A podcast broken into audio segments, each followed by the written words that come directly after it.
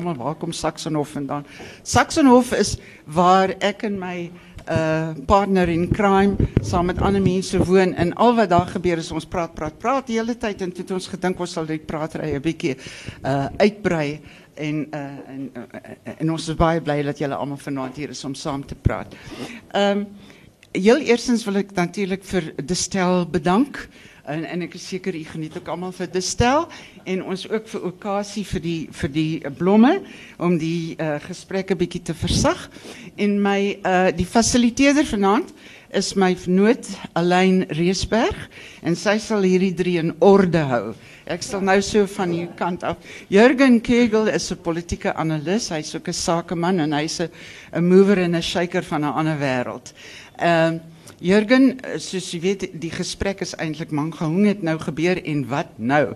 En ons het toe ook in ons ehm uh, persvrystellings het ons toe nou gemeld uh, was die enigste belangrike ding wat op Mangaung gebeur het Cyril Ramaphosa en kan nie glo vandag wat hier 'n uh, rumor op die kampus versprei dat Cyril Ramaphosa vanaand hier gaan wees. Wel, hy is in absentia hier. En uh Freek Robinson ken nie almal, is 'n gedigte joernalis, ondersoekende joernalis, politieke analis. Ek ken hom van sy radio en veral sy TV Robinson's regstreeks uh uh, program.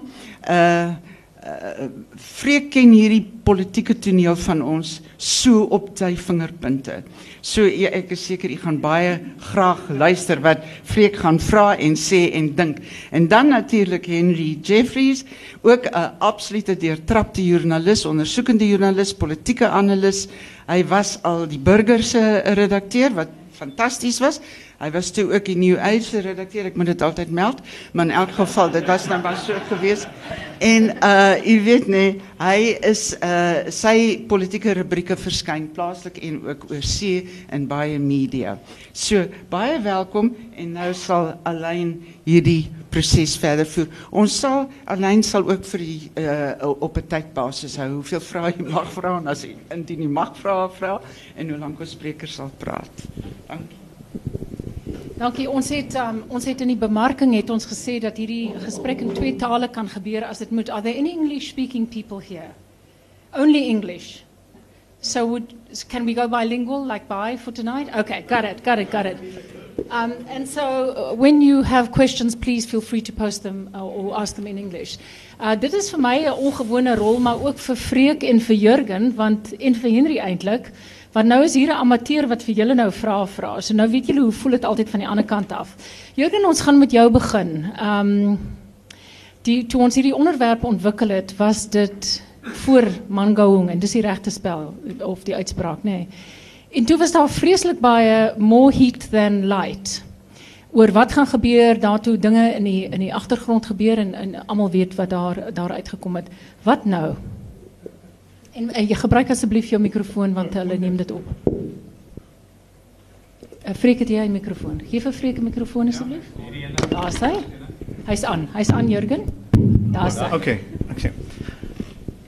Ik wil die praatje beginnen met uh, drie opmerkingen oor uh, wat Manahung is en wat de mensen moet in gedachten houden om te zeggen, maar is het eigenlijk zo erg zoals wat het, uh, wat het toe uitgedraaid? Uh, en dit is meestal voor die mense in die media sowel as die chattering classes vir wie die die uitslag uh, uh so verrassing was.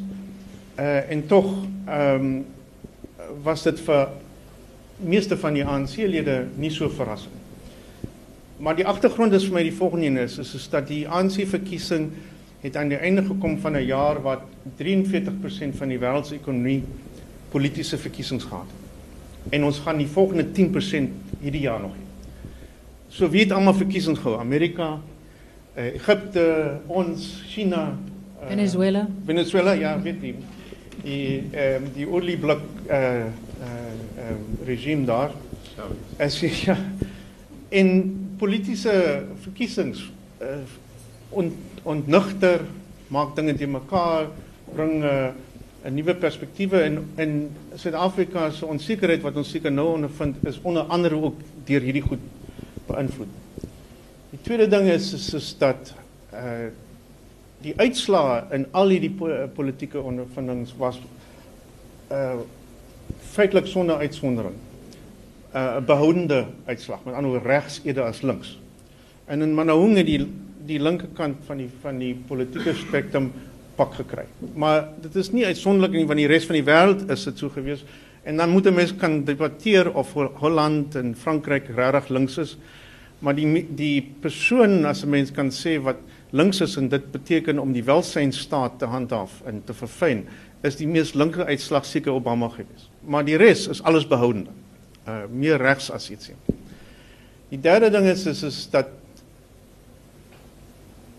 dit het op die ouene nog altyd toe identiteit identiteit gegaan eerder as om beleidsrigting of inhoud van beleid. Uh en in hierdie land is dit uh bly dit maar so. Jy weet as ouens nou sê dat die ANC gaan uitgestem word deur jonge mense en sulke goed. Ek dink uh ons is nie naby daai soort kentering nie. Dit sal miskien 2019 eers wees. Uh en as 'n mens terugkyk na al die verkiesings wat ons gehad het in die land van 94 af. Was daar altyd so half die groot blokke en dan die nuwe mense. Weet in 94 93 was dit konstant Viljoen was altyd persoonlikhede uh, uh, gebaseer op. 99 met die uh, met die Mbeki verkiesing was die nuwe ouens was Cassie Oukamp. Ek weet nie of julle dit nog onthou nie en Louis Luit en Bantu Hulemisa. uh 2004 uh, is vat nie so duidelik nie maar 2009 was dit hoe koop uh en nou uh, uh, dreig dit om om ietsie om Rampelle te uh, gebeur wat wat ek uh, as 'n uh, as 'n foefie beskou. Dit gaan nie baie waardevol wees nie. Ja. ja, en dan die die laaste ding en dit is wat wat ons nie moet vergeet nie is is veral in hierdie land, maar miskien is dit nie so uitsonderlik in die res van die wêreld is is 'n stad deel van leierskap wees. Hierdie land beteken om Saterdag bongo bongo bongo te gaan in Woensdag in die parlement of in die FSO uh met 'n pak jou toespraak te lewer. Nou wat beteken bongo bongo? En uh, daar sekere inhoude in hierdie land maar mens kan definitief praat in Japan dat daai bongo bongo daar 'n nasionalistiese inslag gekry het. Uh, baie van die Chinese goed is so en miskien is met Romney se beleidsrigtinge ook 'n bongo bongo storie. Dit yes. mense weet nie. Ehm um, maar dit is deel van dit. So wat nou? Uh ons sit met 'n staatspresident wat wat oortuigend gewen het ehm um, uh, wat al hierdie goed beïnhoud en en wat hom voorberei vir 'n verkiesingsveld tog met 'n nuwe kabinet. Ehm um, dit is die voorspelling en en uh, en teen wie gaan hy optree? Uh wel, 'n blok en dan miskien die persoonlikheid wat 'n foefie is, maar ek sien nie 'n toekoms in daai foefie. Ons gaan later oor die sogenaamde foefie praat. Henry, jou gedagtes? Ja, ek het ek het ook uh wat van 'n ander se perspektief oor die foefie. Uh want ek dink uh, Desember 2012 in Mangaung het baie te doen gehad met 'n steeds erg onseker, onstabiele ANC as wat dit ook te doen gehad het met die pad vorentoe. En ek dink die verkiesing van van Cyril Ramaphosa het baie meer te doen met die pad vorentoe as wat dit te doen het met die in, interne interne striwelinge binne binne die ANC.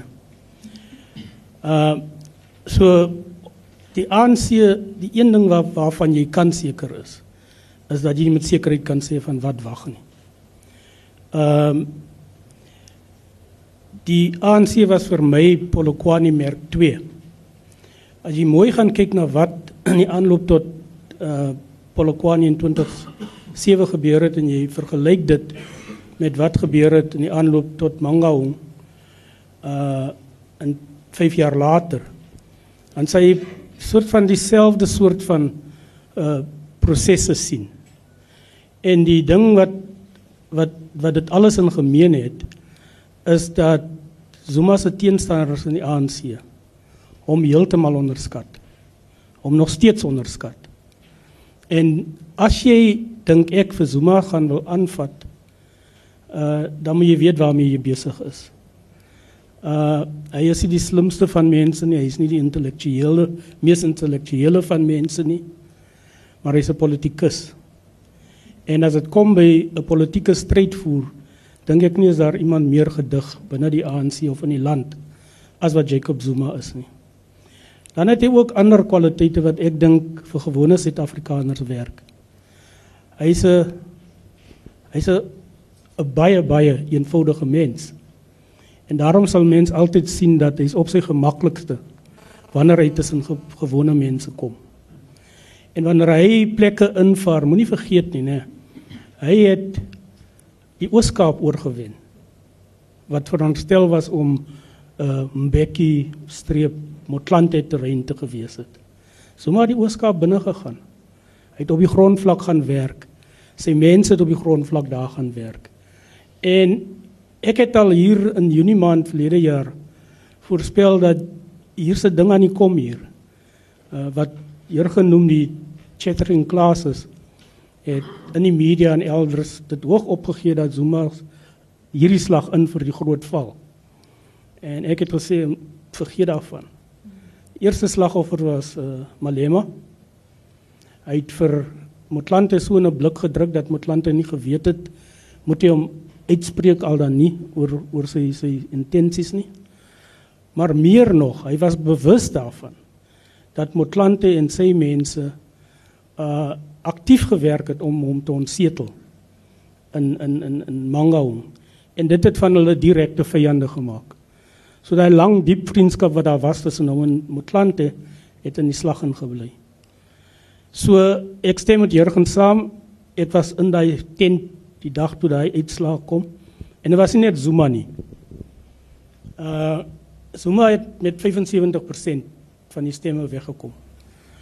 As hy wou as dit die land was, kon hy die grondwet se grondliggende beginsels verander het.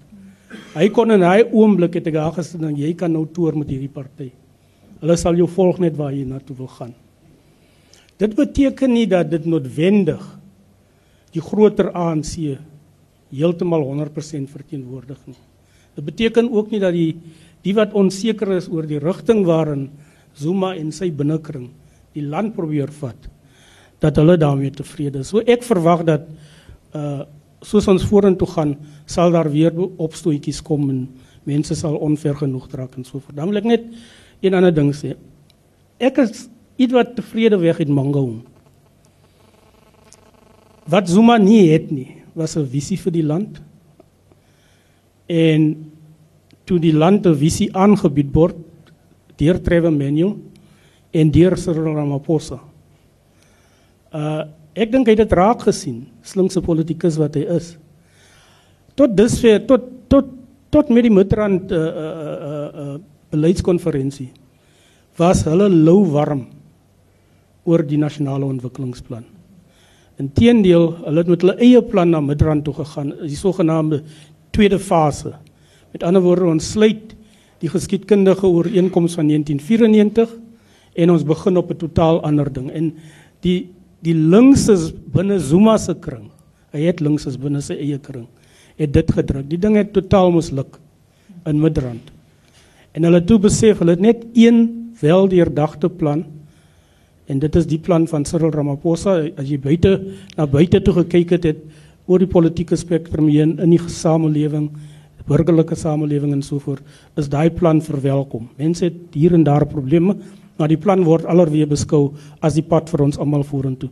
Zuma het dit raak gesien en hy toe begin werk om seker te maak dat daai plan in Mangaung aanvaar word. Tot en met Mangaung was hy plan glad nie veilig nie en was Trevor Manuel self baie onseker van homself. En Zuma het die plan aangeneem, die ANC, dis nou amptelike ANC beleid. Hy het my nou die aand 'n bietjie teleurgestel oor die manier waarop hy weer eens lou warm aangegaan het oor die, oor die plan. Maar gaan lees sy sy toespraak aan die einde van sy van van die staatsrede se debat. En daarin maak hy dit baie duidelik, die ontwikkelingsplan gaan van hier af vorentoe in wetgewing opgeneem word en op pad na 2014 toe gaan dit die riglyn wees. Nie net vir die party maar ook vir die regering. Ons moet hoop hy gaan daarby hou. So ek het baie meer opgewonde daar weggekom uh in die sin dat as hy nie sy eie visie kon ontwikkel het nie, aanvaar hy nou iets wat deur 'n groot mense wat nie noodwendig oor alles mekaar saamstem nie, Maar wat in belang van die land ontwikkel is, aanvaar hy dit en as ek sy laaste opmerkings in in die debat oor sy staatsrede lees, dink ek ons is op 'n goeie wicket. Dit is bietjie lank. Nee nee nee, dit was goed. Dankie baie dankie. Freek. Gooi hom bietjie. Wel, ek dink dit is in die chattering classes het seker almal verwag dat uh, daar gaan ander dinge gebeur in Mangaung. So niemand van ons natuurlik het die omvang en die grootte en die wyte van die oorwinning van Zuma verwag regtig nie. Ek wil selfs uh, iemand soos Henry sal seker ook ter, tensy hy nou beter geweet het as ek uit die binnekringe uit, maar niemand het ons ons geweet Zuma gaan wen want die Zulu stem is gelaai. Daar's geen twyfel daaroor nie. So hy sou wen. Dit is voor die tyd baie bekend aan almal maar hoe hoe groot mate sou hy wen en hoe diep sou dit wees en wat sal dan op die tafel kom na die midrand vergadering wat sou op die tafel kom en wat sou aanvaar word dan by Mangaung?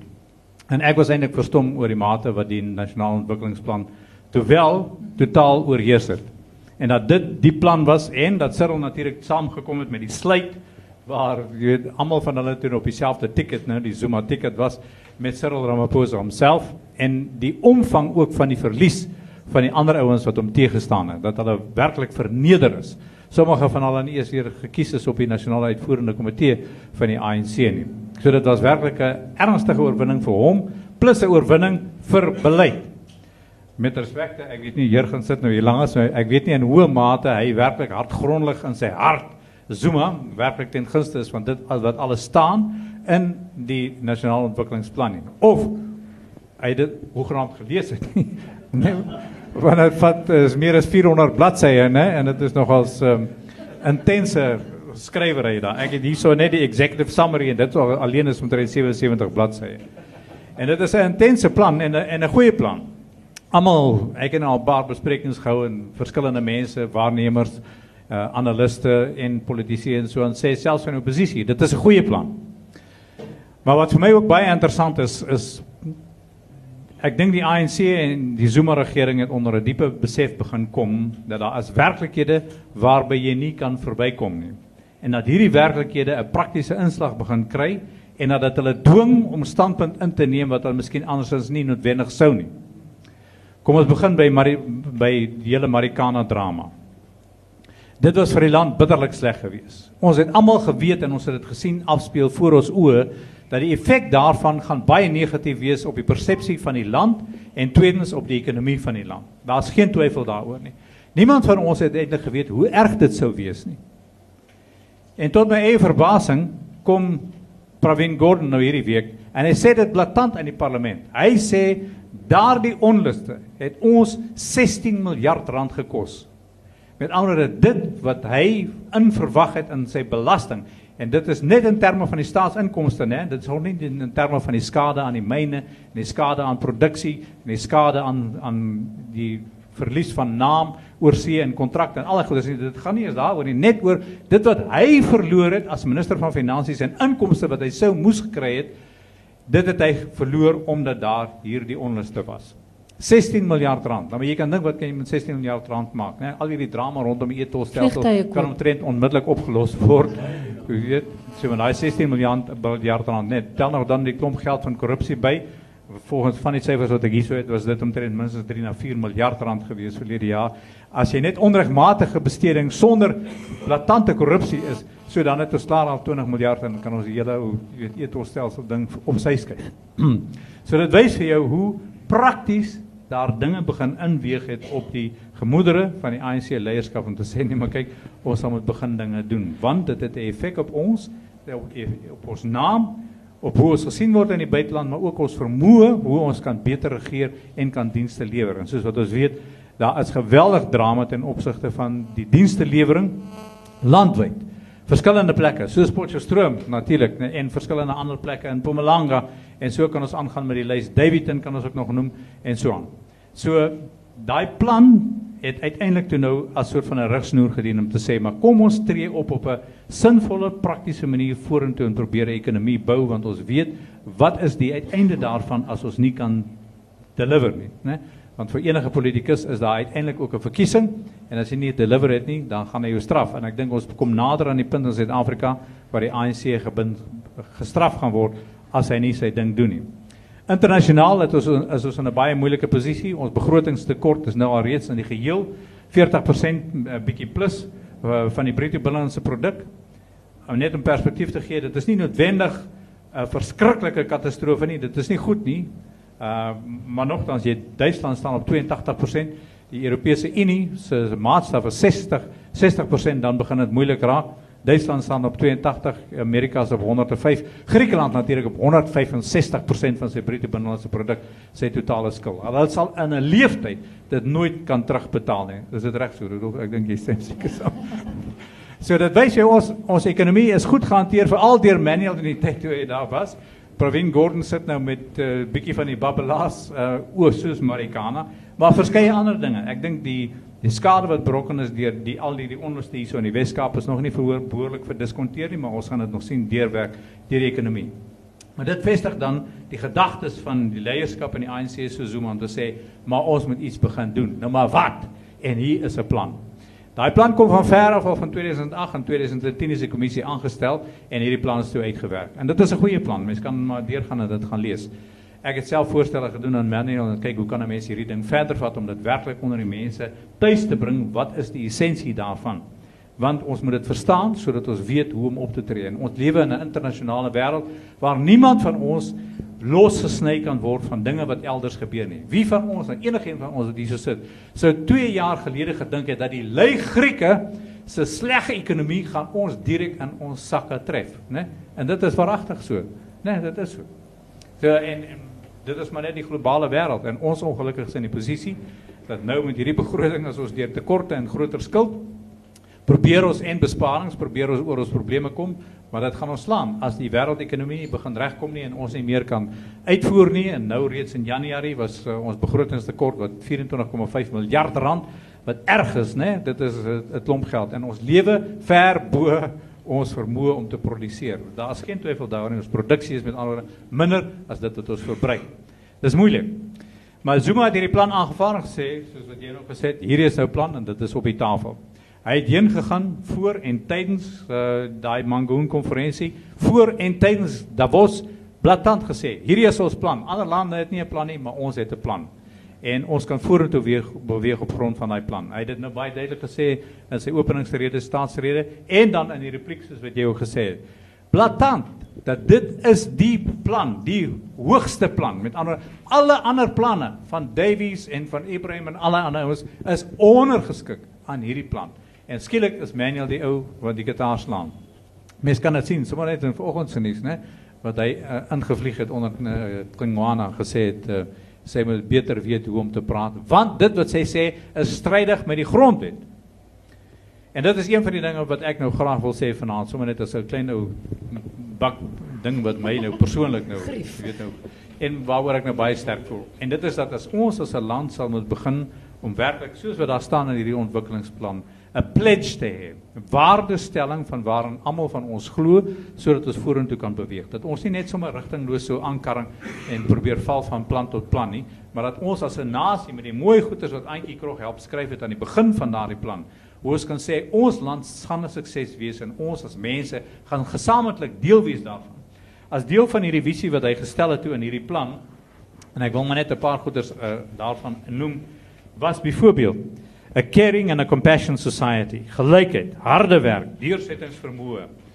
En dan ook vertroue, verantwoordbaarheid en respek. Dit is maar die goeders wat deur wat deel is daarvan. En dan sê hy ons moet 'n pledge hê as 'n land sodat ons van hierdie waardes daarin verklaar elke dag en dat dit in ons harte lewe as Suid-Afrikaners en ook binne die skole, binne gemeenskappe, binne vakbonde ook want hulle moet ook dink ek begin leer dat dit gaan oor meer as net wat ek kan verwoes vandag want wie moet dit herstel? Môre.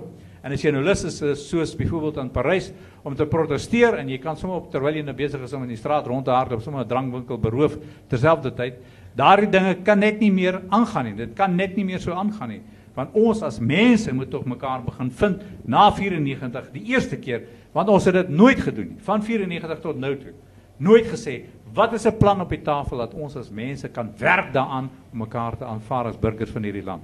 Hooplik kan ons daarby kom en dit dink ek is ek vol vertrou hierdie plan vestig minstens 'n basis, maar nou moet ons vorentoe gaan. Provin Gordon sê dit baie reg het ook vir almal van ons. Kom ons as Suid-Afrikaners hou hande vas en ons gesamentlik begin leef daai reënboog. Jo. Ehm um, dankie, dankie Freek. Ons het 'n gemeenskaplike vriend wat ehm um, sedert 1994 nog nie baie in Suid-Afrika was nie na die verkiesing nie. Hy het um, Desember maand kom kuier en hy het ook Bloemfontein toe gegaan, Mangaung toe, as die hoof die top ou by die BBC. En hy het teruggekom en gesê dat hy baie lanklaas daai openheid en ontspannenheid binne in die ANC geleedere gesien het. Hy was daar toe hulle daai missiele onderskep het en allerlei dinge en hy het gedink wat hy net so groot rooi kop skot van 'n fixer en hy het gedink hy as 'n gryskop met sy rooi kop skot fixer gaan probleme kry as hulle probeer in die in die binnekringe ingaan en daar was geen spanning daar nie. Die ouens was ontspanne. Ek dink hy het die beste gesprek het hy met Wawie gehad. So jy weet ons praat van John So daar is ook uit die buitelandse uh geleedere kommentaar gemaak dat daar 'n openheid was dat mense bereid was om te erken dat baie dinge verkeerd geloop het, dat daar moet aandag gegee word, maar van my ehm um, posisie as 'n as 'n weet iemand wat ook lank weg was en terug is, ons het baie planne, nou het ons die plan, 'n plan van planne, maar die uitvoering elke dag jy weet belemmer nog hierdie storie. So hoe bou 'n mens Hoe bou mens delivery? Hoe bou mens capacity? Want ek sien dit nie waar ek nou sit nie. Jurgen? Mikrofoon asseblief. Eerste ding is natuurlik Mikrofoon. Die eerste uh, uh, vaste plek vir uh, implementering is natuurlik 'n kabinet. Uh, en um, en ons het 'n kabinet van 68 lede wat uh, onbeholpe en onbestuurbaar is. Uh die tweede uh, aspek daarvan is is toe toe ons dit in 2009 uh, in Maart maand ontwerp het was dit gegrond op die feit dat baie van die van die departemente geskei moet word of van mekaar geskei moet word sodat jy dan spesifiek kan implementeer. Dit is in die opvoedkundige en eh ehm afdeling veral dat jy die skoolwese wegvat van die instituutswese, dat jy energie sake van minerale sake skei en dis meer. Maar die, die implementering daarvan is eh uh, eerstens die personeel om dit op ministeriële vlak te doen en dan te implementeer sonder dat jy die mandaryne het. Met ander woorde die die opbou van 'n direkteur-generaal wat die kundigheid het of nie opgebou het en ook uit die Mbeki bewind destyds uh ongeskonde weggekom het was 'n was 'n baie moeilike saak.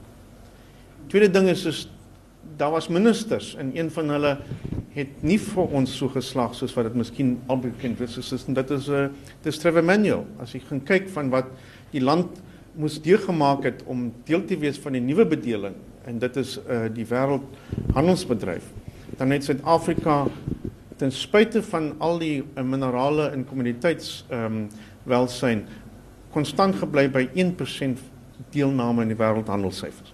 Ons nooit dit beter gedoen nie. Ten, en dit ten spyte van van die pryse. Die tweede ding is is, is dat 'n minister van finansies is net so sterk soos die staatspresident of uh, in in die in die Mandela bewind in Mbeki was.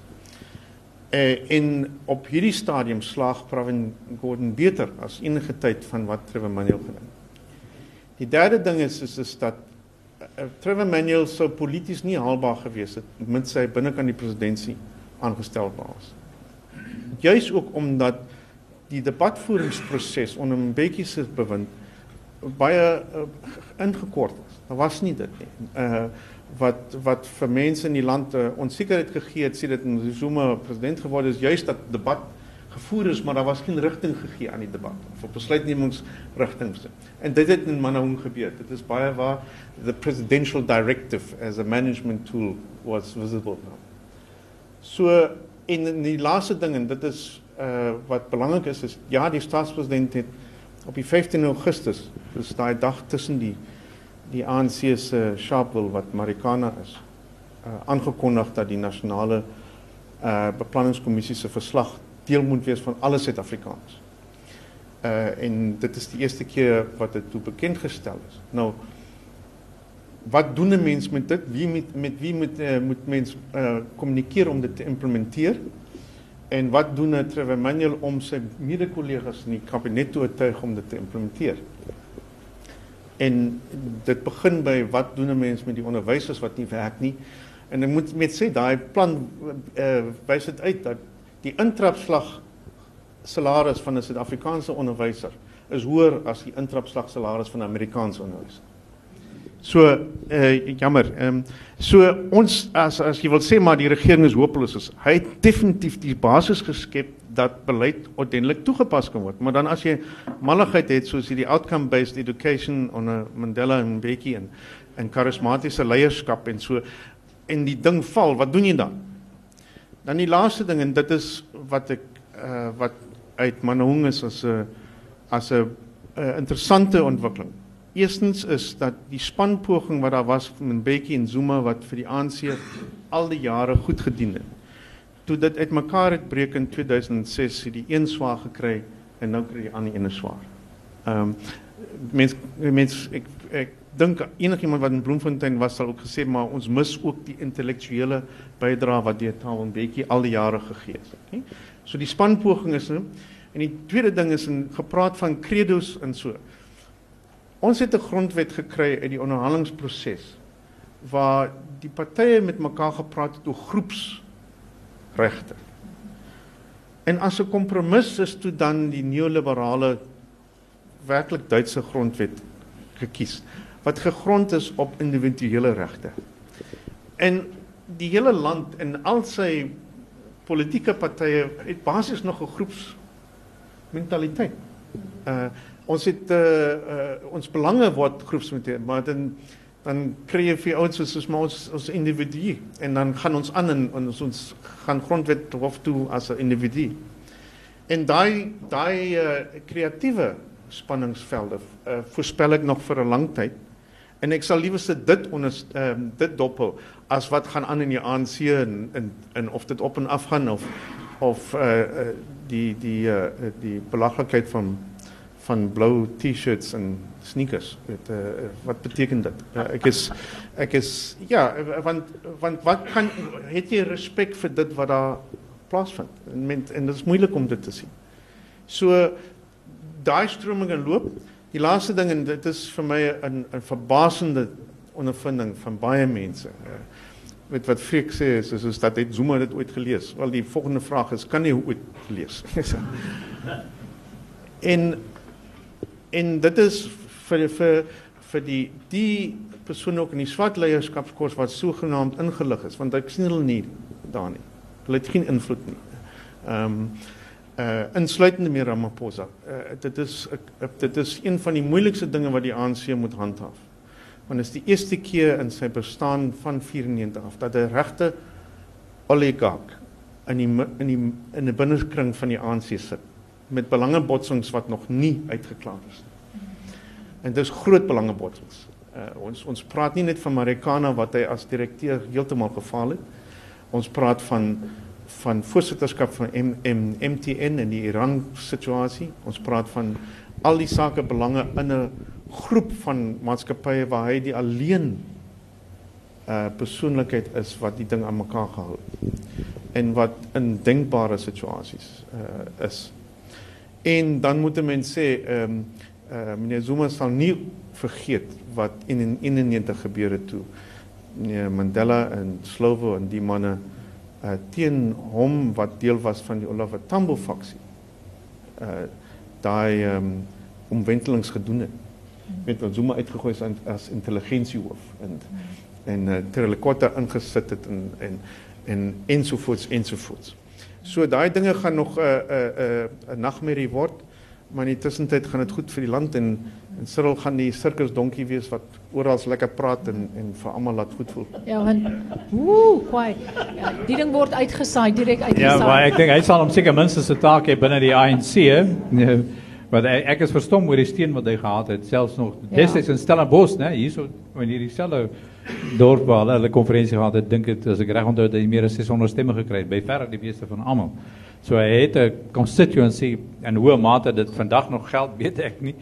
Maar hy gaan seker 'n rol hê binne die party om hierdie plan te begin verkoop want hy was natuurlik die ondervoorsitter van die kommissie geweest, né? So ja. dit is 'n integraal deel van hom en minstens met respek te verstaan hy die ekonomie nog as redelik goed want hy het dit aan sy pas gevoel.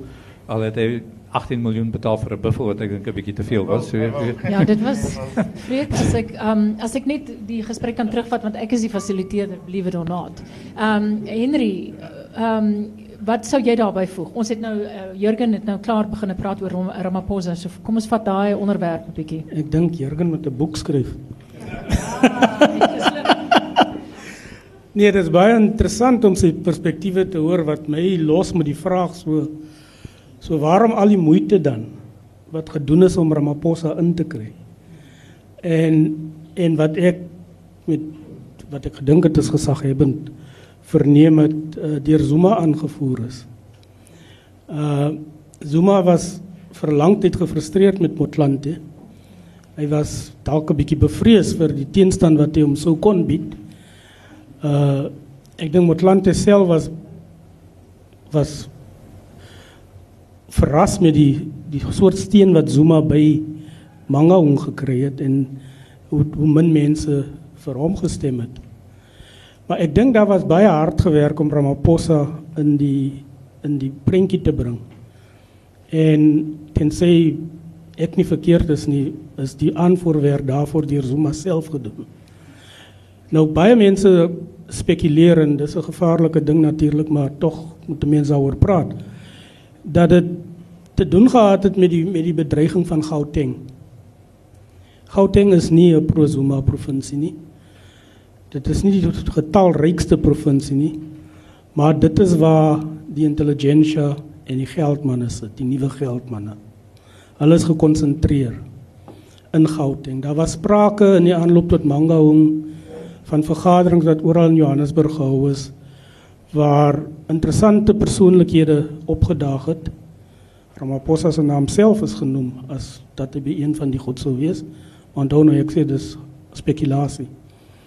Uh en dat daar ouens is wat bereid is om groot checks te geskryf het om om om om die ANC binne faksie te onderskryf en indien dit nie sou werk nie om dan iets soos dit wat uh Mampela Rampele nou probeer aan die gang sit. Nou jy kan die land regeer met getalle. Uh uit KwaZulu-Natal, uit Limpopo, selfs uit die Oos-Kaap. Maar jy het geld nodig om dit te doen. En jy dit is maar soos dit met die politiek gaan oral in die wêreld in. Jy het geld en jy het organisasie nodig en jy het slim mense nodig. So as ek nou so na na Jurgen geluister het dan dis dis dis 'n baie interessante ander uh uh kyk na na na hoekom Cyril daar is. Hoekom dit my opgewonde gemaak het is dat een hy ek was ek is 'n groot ondersteuner so laat ek maar my kaart op die tafel sit van beide Trevor Manuel en sy plan. Ek dink dis die enigste sinvolle ding wat uit die ANC uit gekom het in 'n baie baie lang tyd. Selfs voor Mbeki se tyd. So ek is verbaas dat jy reken Trevor weet eintlik nie wat hy doen nie en so. Maar dis die een ding. Die manier waarop dit gedoen is, dit is nog nie 'n nasionale 'n inklusiewe proses gewees nie, maar dit baie baie interessante werk gedoen met duisende mense om te help om die idees en die plan te ontwikkel. Insluitend hierdie NPC Jam waar hulle oor 'n naweek iets soos 10000 uh Suid-Afrikaners gehad het wat via die die rekenaar met hierdie kommissarisse gepraat het en idees uitgeruil het en so voort. En al daai goed is is in ag geneem met die finale skryf van die plan in die tweede uh uh weergawe daarvan. Hulle het ook 'n ding met Mixit gedoen om die jonger mense te betrek. Dit was 'n fascinerende ding daai. Hulle het oor die 58000 jong mense. Nou Mixit word meestal maar deur deur jong mense gebruik gekry om deel te neem in die proses in. So dit is dan jy weet die ding is nie net daar in Lutuli huis uh aan mekaar getimmer nie. Die tweede ding is is is, is Ramaphosa self. En dit bring my nou by die nou hoekom is hy daar? Ek het toe gereken. Iemand het geskryf, 'n ou van die New York Times, was 'n fascinerende artikel oor Cyril Ramaphosa. Hy het geskryf alles in Suid-Afrika word onderhandel. Ons ons onderhandel ons onderhandel oor alles. En ek dink Cyril Ramaphosa is 'n is 'n toetrede tot die aktiewe politiek weer is 'n onderhandelde ding. Die vraag is waaroor het hulle onderhandel? En daaroor kan ons maar net weer sinneloos gaan gaan spekuleer, maar dit maak dit interessant. Cyril weet ons almal is 'n man van ambisie. Hy is 'n man wat hou van verloor nie. Hy het nooit sy naam in die hoed gegooi nie, want hy was nooit seker of hy sou kon deurkom nie. En tensy hy nie seker dis nou my opinie hier. Tensy hy nie sekere waarborge gekry het. Sou hy nie sy naam in daai hoed gesit het nie. En dis interessant hoe die die verkiesing self uitgespeel het in Mangaung. Want Motlanthe het hom aanvanklik beskikbaar gestel vir beide poste van president en van adjunct president. Maar en Cyril is ook beste pelle. En hulle wou nie teen mekaar staan nie. En Motlanthe dink ek het 'n belang daarbey dat Cyril so betrokke is in die ANC en hy het die regte goed gedoen om te help dat Cyril Cyril deurkom. Cyril se eie oorwinning was groot. Hy het teen Tokyo en Matthews Posa gestaan. En die twee saam kon nie eens 800 stemme op hulle gevestig gekry het nie. Al daai ouens het met vyf dit dit moet spreek van binne daai pro Zuma konferensie het Cyril steen gehad en kan ons dan op Zuma se hand in die agtergrond sien dat hy gewerk het om seker te maak hy kry die man wat hy wil hê. Hoekom gaan dit goed wees vir ons? Ek het ook gedink hy gaan baie gou in die regering opgeneem word. Ek dink nie dit gaan gebeur nie. Ehm uh, ek dink uh, uh, uh, hy kan in Lutuli huis waar die steen vir die plan dalk nie so sterk is as wat Zuma wil voorgee nie. En hy ondermynende uh strominge wat wat wat daar aanwesig is, kan dan die plan uh in die wiele ry. So Cyril is dan die man in Lutuli huis vir die plan. Net die laaste ding oor die plan. Ek dink jou opmerkings Jurgen vroeër oor die die Zuma kabinet wat regtig dis dis net te groot. Te lom. Daar's ministers wat niemand van ons weet waarmee hulle besig is. Hulle weet. Maar dit dit maak sin want dit was die payback. Dit was die pond vleis kabinet. Almal wat ingespring het om vir Zuma en Polokwane te gehelp het, moes op en daarom is Ibrahim Patel minister van 'n portefeulje wat nêrens heen gaan nie. Wat niks doen nie. Dit was die payback. So dit is die rede vir vir vir vir daai kabinet. Zuma staan nou so sterk. Hy het soveel oorweldigende uh uh mag nou van Weemangou dat hy dat dit dit sal my nie verbaas as hy nou inderdaad met 'n baie meer soepel kabinet en doelgerigte kabinet rondom hierdie plan vorendag gaan kom. Jurgen, jy wou reageer, maar Freek, ons gee vir jou kans. Ja, miskien is net ietsie sê oor Kusato want dit is 'n interessante ding binne die alliansie, né? Is dat uh, binne is daar nou groot drama soos wat ons weet met Wawi wat nou 'n teken is. Maar die interessante ding is is uh, Wawi is is 'n bietjie meer dan die linkervleuel. Ons hou verskriklik daarvan dat hy op, opmerkings openbaar maak soos soos al die hyenas wat staan en vreet by die trog en so aan met korrupsie. So dan geniet ons dit vreeslik, maar as 'n mens nou mooi begin luister na wat sy ekonomiese denke is, dan is dit 'n bietjie anderster en nie noodwendig dit wat te rym is met de, wat in die in die ontwikkelingsplan staan nie. So en dan binne die die organisasie self is daar allerlei dinge wat besig is om te gebeur. Sato dink ek is besig om groot steen te verloor vanweer die gemors wat daar in onderwys plaasgevind het. Natuurlik ehm um, die NEM is 'n skaduwee van wat hy van tevore was. So Kusato bevind twee dinge te gelykertyd. Een dat hy verdeelde leierskap het en twee dat hy steun verloor onder die gewone mense omdat Kusato miskien te ver weg beweeg het van die gewone mense en nie gesteer het aan die basiese werk en dit is om van deur tot deur of van huis tot huis by mense aan te kom en werklik te sorg dat jy daar op die fabrieksvloer is en jou teenwoordigheid wys nie. Maar hierdie verdeeldheid binne Kusato beteken dat dit maak dit eintlik nog nog makliker vir Zuma want hy kan nog uh, vorentoe beweeg en sou die mense dan teen uh, waar wie wen sal dit die wees wat in elk geval vir hom ondersteun. So ek dink daai sin uh, is die pad nog verder vir hom oop sodat hom die geleentheid gee om besluite te neem, miskien ongewilde besluite sodat ehm um, hy vorentoe kan beweeg en ons miskien hierdie plan uh, ingestel kan kry. OK, dankie. Jurgen, een baie kort kommentaar en dan gaan ons uh, oopstel vir vrae want ek is seker daar's duisende wat julle wil weet. Net gou die eerste ding is is Henry se opsomming van hoe die nominasie gewerk het. En ek meen regtig. Dit is ja. Uh dit is so dat KwaZulu-Natal um, net na die vroueliga en die jeugliga uh, vir Cyril eerste keer voorgestel as as 'n as 'n uh, waarskuwing vir om te besluit of in nommer 1 en nommer 2 wil staan. Dis nie nie kwessie nie, dit is soos dit was. Uh wat toe gebeur het en dit is soos die politiek ook werk, dit is uh, dit het beter gewerk as wat die ouens gedink het. Dit gaan werk. Um, en toe het ander provinsies gevind. Daar weet om om vir my te vertel van wat wat ek daar sien dat ouens beplan het en kry dit reg soos die chattering classes dit, dit werk nie. Dit het ook nie in die nasionale party so gewerk nie so. So dit is die tweede ding en die derde ding wat wat ehm uit uit ehm um, uit um, uh, Bloemfontein belangrijk was, is, is dat Galima Motlanthe ten spijte daarvan dat hij geweet het, hij gaan verloor, zijn nominatie eerst op die zondag aanvaard het. En toen was het duidelijk dat hij dat niet kan maken. En Ramaphosa heeft zijn nominatie en tot vandaag toe weet niemand niet. Ik weet enige iemand wat. Hoe kom hij een uur voor die keerdatum gestryk het eerst op die maandag zijn nominatie getekend. So dit was niet een baie uh, uh, enthousiastische uh, um, aanvaarding van zijn nominatie. Uh, en laten we maar zien hoe dit nou ontwikkelt. Dankie. Henry het vroeger genoem van Mixit en daai 58000 mense wat meegemaak het aan die ontwikkelingsplan. Behalwe vir Rudolf wat die voorsit, wie van julle het al die ontwikkelingsplan gelees? Sjoe. Baie dankie. Um, ek wonder of ek gou-gou ek wou net ek vra maar net ek ek wil nie weet nie soos die soos die ou mense sê. Um, daar sit 'n klomp studente agter. Ons is op Stellenbosch. Dit is 'n dis 'n universiteitsdorp. Ons het nou gepraat van een van die groot strominge wat hier onder ons is wat ons nog nie aangevat het nie. Ons het nou oor die ou mans in die politiek gepraat. Miskien kan die studente vir ons perspektief gee. Hoe betrokke is julle by die politiek? Hoe hulle is journalistiek uh, studente. Vertel nou vir ons vra vir hierdie slim mense 'n vraag. Of anders sal die ou mense weer praat. Ja, direk.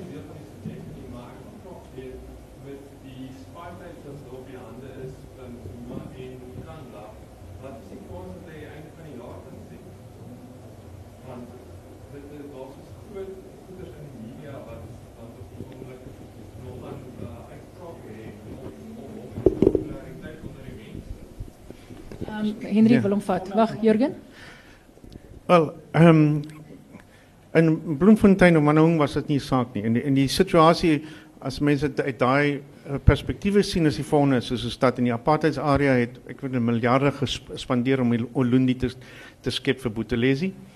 Toe Buthelezi in bewind kom in 94 toe skep hy wat 5 paleise en 60 miljoen rand 'n jaar vir die koning. Ehm um, it's chicken feed. En dis die eerste eerste uh uh eerste uh, Zulu sprekende president sedert Lutuli. So dit was nie 'n kwessie nie. Niemand het daaroor 'n situasie en buitendien is die uitgawes al vir die laaste 5 jaar op die op die webwerf van die van die uh, openbare werke se begroting as 'n lyn. Okay.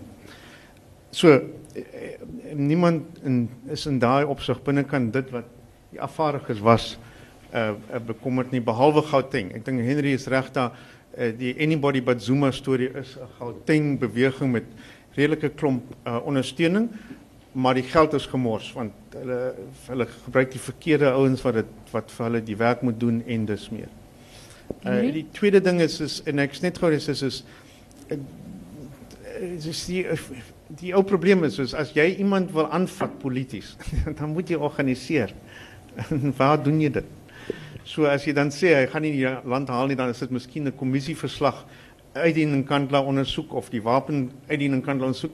En ek dink daar gaan nie baie meer uitkom as wat Ngesi of mense spekuleer in die wapenskandaal storie. Uh uh dat daar geen geld na Modise Mbeki of Zuma gegaan het nie. Henry. Ja, ek stem met hom saam oor in Kandla. Dis dit mag vir ons in die media en die chattering classes 'n groot ding is want ons bekommer ons oor rekenpligtigheid en uitspattigheid en die soort van goed. Dit pla nie gewone die deursnee kiezer en deursnee kiezer in Nederland is swart. Dit pla hulle nie so baie. Ek het op 'n dag daar op Mangaung terloops oor Mangaung het uh, Ramaphosa vir Blydense Mandi gesê. Blydense Mandi sê ook Mangaung. Dit het hom in die slot sessie gesê dis Mangaung. So. uh met van die afgevaardigdes teruggestap. En toe vir hulle gevra maar jy weet wat wat is dit hier? Wat gaan aan met hierdie ou? Hy het al hierdie skandes en skades wat hy op sy pad kry. En tog kyk nou net, dit was pas na die verkiesing. Kyk net wat het nou daar binne gebeur. En hy het vir my ding gesê waaroor ek nou nog baie top en probeer verstaan. En ek dink dit is waar ons in die media en die ander waarnemers en die ouens goed heeltemal mis misinterpreteer. Hy het vir my gesê Mr Jeffries he gets us and we get him. And the day you guys in the media understand that, you'll understand Jacob Zuma. Nou, ek het daar aan kollegas genoem en mense het gelag, hulle was bietjie snedig oor dit. Ek dink jy moet baie erg want laat ek een ding duidelik maak en ek het dit aan my oud kollegas in die aktiewe media gesê. In die media het ons dit grootendeels verkeerd gekry. Ons het Zuma al in Junie maand begrawe en Motlanthe in Junie maand gekroon. En ons moet onsself afvra hoe het ons dit so verkeerd gekry? En ek dink die antwoord lê opgesluit in daai opmerking wat ek daar by die konferensie gekry het. So mense gaan nie nie vir Zuma stem of hom ondersteun oor in Kandla nie. Uh veral nie in KwaZulu-Natal. Dit sal nooit ooit 'n faktor daar wees nie. Ek dink jy ons moet dit los as 'n onding, want dit is 'n onding. Dis 'n vergryp van staatsgeld. Uh en ons wat ons daaroor bekommer moet aanhou daar teen beklei. Maar ons moenie verwag dat dit gaan ons eie ander politieke uh uh, uh vonkels in die oë laat gebeur nie. Die politiek in Suid-Afrika werk eenvoudig nie so nie. Dankie, hier's 'n vraag. Ja.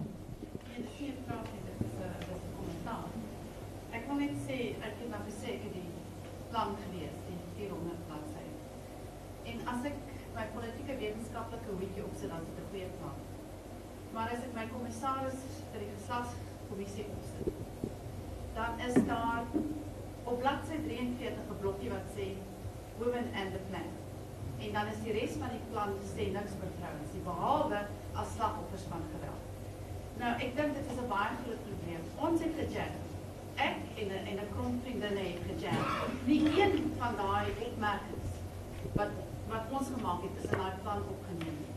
Maar dat ek dat die probleem verduidelik, want nou dink mense ek praat net oor vrouens, maar as ons as ons kyk byvoorbeeld in die hoofstuk oor gesondheid. Daar's niks gesê oor vrouens se reproduktiewe gesondheid. Die feit dat hulle uh, keuses moet hê en die feit dat hulle kinders moet kan spasieer. Ons het 'n white paper on families wat niks daaroor sê nie. Jy kan nie begin praat oor die familie en jy kan nie oor daai goed praat nie. As ons kyk na Anine Booysen en Reba Steenkamp in die geweld. Een homicide, een moord in Suid-Afrika volgens die World Health Organization kos ons 80000 rand. Een verkrachting kos ons meer as dit. Nou daar word geen melding gemaak van hoe gaan ons geslagsgebaseerde geweld hanteer nie. As ons nie vrouens sentraal sit in daai plan nie, gaan ons baie sukkel. Land reform, niks oor vrouens en hoe toegang tot tot grond nie. So ek dink net as ons 'n ander lens op die plan sit, dan is daar 'n groot probleem met die plan. Nou ons as die kommissie skryf nou 'n 'n gender analysis van die plan. Maar hoekom is dit nie van die begin af in ag geneem nie? Hoekom is die goed wat gejam is nie in ag geneem nie? Ek weet dit het geweldige implikasies beïmplementeer. Maar kommentaar. Wel die die belangrike punt van dit van hierdie is is, is dat die uit ondervinding uit die laaste 10 jaar is die die beste agente vir implementering van beleid is vrouens in hierdie land. Nêrens anders. Ek het ook in die besigheidswêreld as jy vandag kyk uh wie verander die uh, uh die ondernemings uh of implementeer uh uh gesondheidswese of wat dit ook al is is is, is vrouens. En die en die tweede ding is en dit is wat nog meer ontstellend is is is dat daar word niks oor geskryf nie. Niemand vertel die storie uh ehm um, in so baie opsigte. Nou die nasionale plan as 'n uh, is 'n goeie basis, maar die implementering is belangrik en nou wil ek 'n bietjie uit die huis uit praat. Ek verteenwoordig 'n baie groot telekommunikasie firma uit Duitsland uit. Ons het gaan sit met daai minister. Ons sê, "Alright, vyf groot projekte. Almal het telekommunikasie nodig. Gee vir ons taakspanne dat ons kan implementeer." En so Trevor dit doen. Ons skop hy die bal kantlyn toe. So, ons moet daai punt kry en ons moet net aanhou werk daaraan om dit dink want dis dis dit is die enigste manier hoe ons dit geïmplementeer kan word en dan as voorbeeld vat vrouens wat dit implementeer want ons ek sien dit nie in mans nie. Ek Maar is jammer is- dis algemeen so. Ja, maar is dit dan 'n geval van enige plan is beter as geen plan nie? Dat ons so, Ja. jy weet maar mis, miskien is hierdie jy weet steun vir hierdie ding omdat daar so lanklaas iets was wat wat en en die die die commissioners is baie interessante mense. Ek vind dit is 'n geweldig interessante groep. Dit Ja. is omvattend soos wat dit verdeel nie. 'n Bietjie beleid wat Washington consensus en die goeie bestuur finansiële bestuur wat ons nou van erg is daar, maar dit het later mense uitmekaar uitgedryf. Settlers of a special kind en al daai soort dinge. Hierdie plan vat ons bymekaar en dit is hoekom almal hom ondersteun. Maar die implementering is die groot saak en Ja. ons sukkel. Henry, Nee, ek ek dan Freek. Ek ek het al gelees wat Amanda hieroor geskryf het en stem met haar saam. Ons is geneig om baie onsensitief te wees oor die posisie van vroue in ons samelewing totdat dit aan die groot klok opgehang word soos wat ons nou weer sien rondom kwessies van verkrachting en dan soort van kom dit op en dan verdwyn dit net weer uit die uit die die samelewing se. Maar hierdie plan soos ek hom verstaan en ek het nou al 'n paar gesprekke met Trevor Manuel daaroor gehad is nie 'n afgehandelde plan nie. Wat is die Dis proses? dis 'n work in progress. Hy's 'n oop dokument en ek dink as as mense baie sterk voel oor bepaalde issues soos byvoorbeeld die posisie van vroue, dan moet jy ons is 'n demokrasie. En as die aspekte wat jou bekommer jou nie nie nie na wense aangespreek word nie, dan dink ek moet julle op die minister se drempel en die kommissie se drempel gaan slaap om hulle daarvan attent te maak en uh en ook te druk dat hulle dan die min wat hulle dalk oor die kwessie gesê het, die die die gebrek aan detail oor hoe gaan die ding nou werklik op vrouens se lewens se impak maak. Dan moet julle hulle aanvat daaroor en ek is seker uh uh jy sal 'n 'n 'n oor kry wat wat gaan luister. Freek en dan het ons 'n vraag daar agter. Ja, ek, ek wil saamstem met Henry want ek dink ehm um, daar's 'n dele van die plan wat ek self ook nie vreeslik gelukkig is nie. Byvoorbeeld hoofstuk 15 Nation Building and Social Cohesion. Kon dink ek kon baie groter waarde gehad het, baie meer diepte en baie meer planne op die tafel. So ek dink 'n mens moet maar net uh, aanhou en kyk hoe mense op praktiese implementering beter kan doen as dit wat reeds daar staan en dit verder vat want ek wil dit is net so dat dit is in 'n kort tyd opgestel, dis maar 'n 2 jaar se werk omtrent. So dit is moontlik dat maar nuwe insigte kan kom dat omstandighede kan verander en mense noodwendig ook 'n bietjie moet aanpas en aan en dan die hele impla die implementering daarvan dink ek is nog nie baie duidelik nie want Trevor Manuel sit maar daarso binne die presidentskantoor met 'n paar mense rondom maar ek dink uh, hy het nie- seker nie eers omtrent 10 mense wat hom help nie en hoe gaan hy hierdie ding implementeer wie gaan dit doen uh, wie goed ja Daar's 400 mense in daai kommissie. 400 in die hele oosterse kant En- van die en in die gebou is vol mense van hom. en en die kommissie nee. Ja. Nee, maar nee, maar dat sê nie in in nee. Ja, nou 26 kommissarisse, maar dan is die groot vraag die in praktiese implementering daarvan. Hoe goed jy ja. Wel, dit is wonderlik dat ek dit hoor, maar dit binne die presidentskap self is daar net enkeles wat daar sit so ja. Maar in elk geval so die implementering daarvan is is belangrik en in die mate wat ons almal 'n bydrae kan lewer, sal dit fantasties wees. Goed. Okay. Daai vraag daar agter.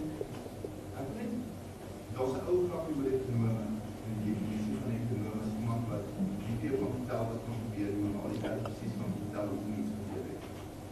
En dit is begin baie meer toepassing raak op politieke aktivisme in die land. Ehm niemand het voorspel dat die maatskappy. Daar was 'n paar ouens wat voorspel het. En ek het wesenlik probeer om die paar van politieke die analise wat nou. Wanneer ons al in dilemma van as ons nie met iemand saamstem nie, dan soek ons punte uit en ons noem hom dom. Zuma is vanaand 3 of 4 keer al reeds hier as iemand uitgebeeld wat nie kan lees nie. As iemand wat wat nooit die plan sal lees nie. En as 'n dom persoon, nou vergeet van alles wat daarmee saamkom. Die feit van die saak is dat soos met Malema is Zuma die persoon wat oorwin het en gewen het. En wat dit sê van mense wat dink hy's dom en waar dit hulle in die, in die kluis daarin sit is interessant. Maar ek wil regtig weet wanneer gaan ons die vlak van politieke kommentaar opskerp en wegkom van daai banale idees van van hom as 'n dom man. Want ek kan nie dink dat Zuma dom is nie. Zuma het die die hele mag van die media dit word insluitend die SAIK teen hom gehad. Selfs Malema, Malema is op die ou net Zuma in die bek gerig. Nie deur die media nie. Maar as 'n arrogansie dat die media en by politieke kommentators oor dat die man dom is. En dit wys, dit wys, dis hoe hulle nie kon sien dat hy by Manga hoe gaan wen.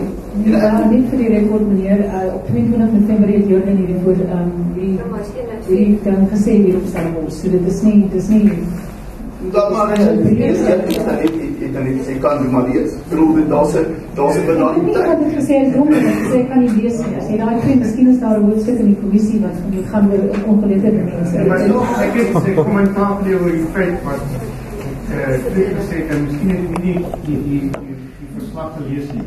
En dit sê analise ook ondervind ek politieke uh, kennis en dan sê ja, maar ek kan nog nog nie lees nie. Dit is ek stem saam met jou dat die standaard van kommentaar maar wat die politiek aan van baie ongeluk is, nie naby dit wat gebeur en sien hoe kanaal is. Ehm maar die, die en die derde ding is wat nog erger is, is, is dit was in die media uitgesit hoe elke provinsie genomineer twee weke voor ons so dit moes nie 'n verrassing gewees het want dit is daar bestaan. Ehm um, ja, so ek stem saam met jou, maar dit is ek nou nie gesê ek kan jy sê dit is in kapsie wat mense dan sê. Ja, en uh, jy moet net gou byvoeg. Ja, ek dink die algemene is dat uh, die kan doen met die vlak van die sal het miskien ook zijn en dink jy die kan doen. Het ons gesê Zuma is dom nie. Ek het spesifiek die punt gemaak dat hy 'n baie slim politikus en daarom het hy gewen. En net vir die rekord, ek is een van daai wat al in Junie maand verlede jaar gesê het hy gaan wen en hy gaan groot wen. O, o maar is hy kaart? Ons wil nie dit die debat maak nie. Okay. Ons het een vraag oor daar agter.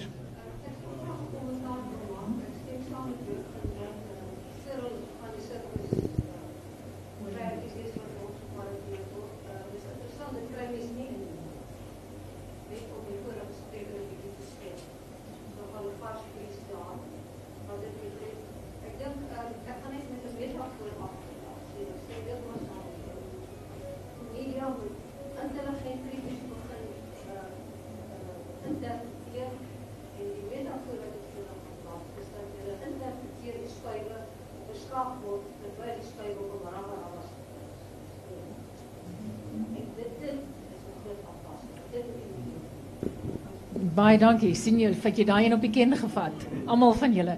Ehm die wat julle in die media is. Oor die foefie. Ja, julle ons maar ek dink ons het dit afgemaak. Kan ons gou praat oor die foefie? Drie sinne oor die foefie, drie sinne oor die foefie, drie en dan dan is ons klaar.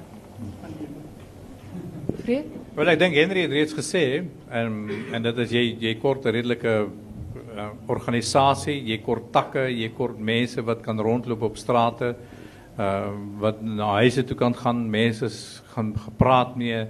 Uh jy kort geld, jy kort baie ondersteuning. So ek dink nie dit is iets wat in 'n jaar sommer net gaan gebeur nie. So is miskien interessant en loofwaardig en so aan, maar ek dink nie dit gaan veel bereik nie. Kyk, ek dink daar's geen twyfel dat as die ANC nie die probleme rondom dienslewering uitgesorteer kry nie, gaan hulle steenstelselmatig val. Zuma is die eerste van die presidente wat aan bewind gekom het met 'n verminderde steun vir die stembus. Uh die jy kan nie die die die die die opgang wat die DA uh in in in in 2009 se verkiesing en 2011 se plaaslike verkiesings gemaak het sommer net so ignoreer nie. Uh en ek het aandagtig weer gaan kyk na die toespraak van van van Rampele. As my enigste probleem met haar is sy het nie daai organisasie nie. Die enigste mense wat op die oomblik blyk opgewonde te wees oor haar is die die die die die die die chattering classes. Akademici, waarnemers en die soort van mense. Sy sal nie 'n impak maak as sy nie die vermoë het om kiesers tot 'n stembus te bring nie. Dis maar nou net hoe die verkiesingspolitiek werk. En daarom het ek ek was 'n bietjie verbaas geweest oor DA blyk te sê Nee, hierdie vrou, waar kom sy nou vandaan af uit die bloute uit? Wie is sy? Wat verteenwoordig sy?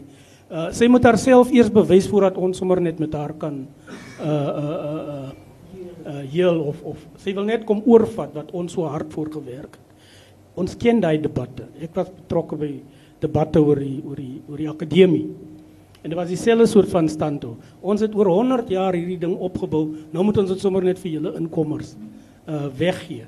Wat natuurlik glad nie die die die die die die doel was nie. En ek dink ons is almal armer dat jy nie daarmee geslaag het nie.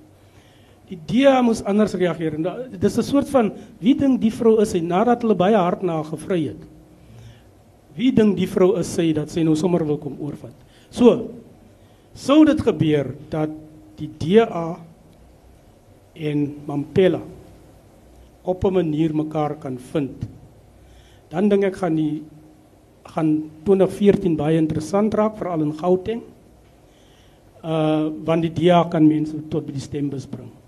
Hulle moet net besef niemand van hulle insluitend hulle het die soort van trekkrag wat 'n Mampela kan hê by die by die mense wat werklik saak maak en dis die gewone kiezer. En die ANC is nou op sy mees kwesbaar. En dit mag dalk 'n ander rede wees vir hierdie fokus op die ontwikkelingsplan. Want jy moet nou begin goed omdraai. Dis 'n baie lang pad. Jy gaan nie binne 3, 4, 5 jaar dit heeltemal omgedraai kry nie. Maar as daar tekens is dat die ANC it's getting its act together, dan dink ek gaan Mampela nie die groot faktor kan wees wat sê want inherent die probleem met mense wat by die stembus opdaag en ontevrede is is nie bereid om hulle stemme vir die DA of enige ander van die ander partye uit te bring. Hulle het die 30% plafon bereik. Ek dit gaan 'n wonderwerk vat om dit om deur dit te bars in 2014. Maar as die ANC op hierdie pad bly van al meer mense ongelukkig maak, al meer mense uit op die strate, hulle hulle protes en geweld uitdruk en die soort van goed. Dan kan daar pere wees as daar 'n formidabele oppositiefront gevorm word. OK. Jurgen, jy sit daar diep in gedagte. nee. Is ehm vir my is dit die groot trekke van Suid-Afrikaanse politiek ons vir al die jare het ons nog gestem oor identiteit en waar ons vandaan. Gaan terug na die na die na die na die 20 storie en en klaar. Ek sien dit nie verander nie, maar dis hoekom Ramphele as persoonlikheid en identiteit belangrik is as iets. Maar jy kan dit nie doen soos wat sy dit doen en en 'n platform begin so, en dan sê maar ek is nie eintlik 'n party nie. En dan my beleid is dieselfde, weet ek is vir ek, gaan armoede bestry vir vir landelike uh, vrouens. Dit is almal se beleid. Self vryheidsfront het. So weet, dit is vir my hoekom dit vir my so so jammer en die tweede ding is is nou vir elke verkiesing van van wat ons nou die nuwe Suid-Afrika het. Het ons hierdie hierdie fofies wat opkom en uh, van hulle was belangrik geweest.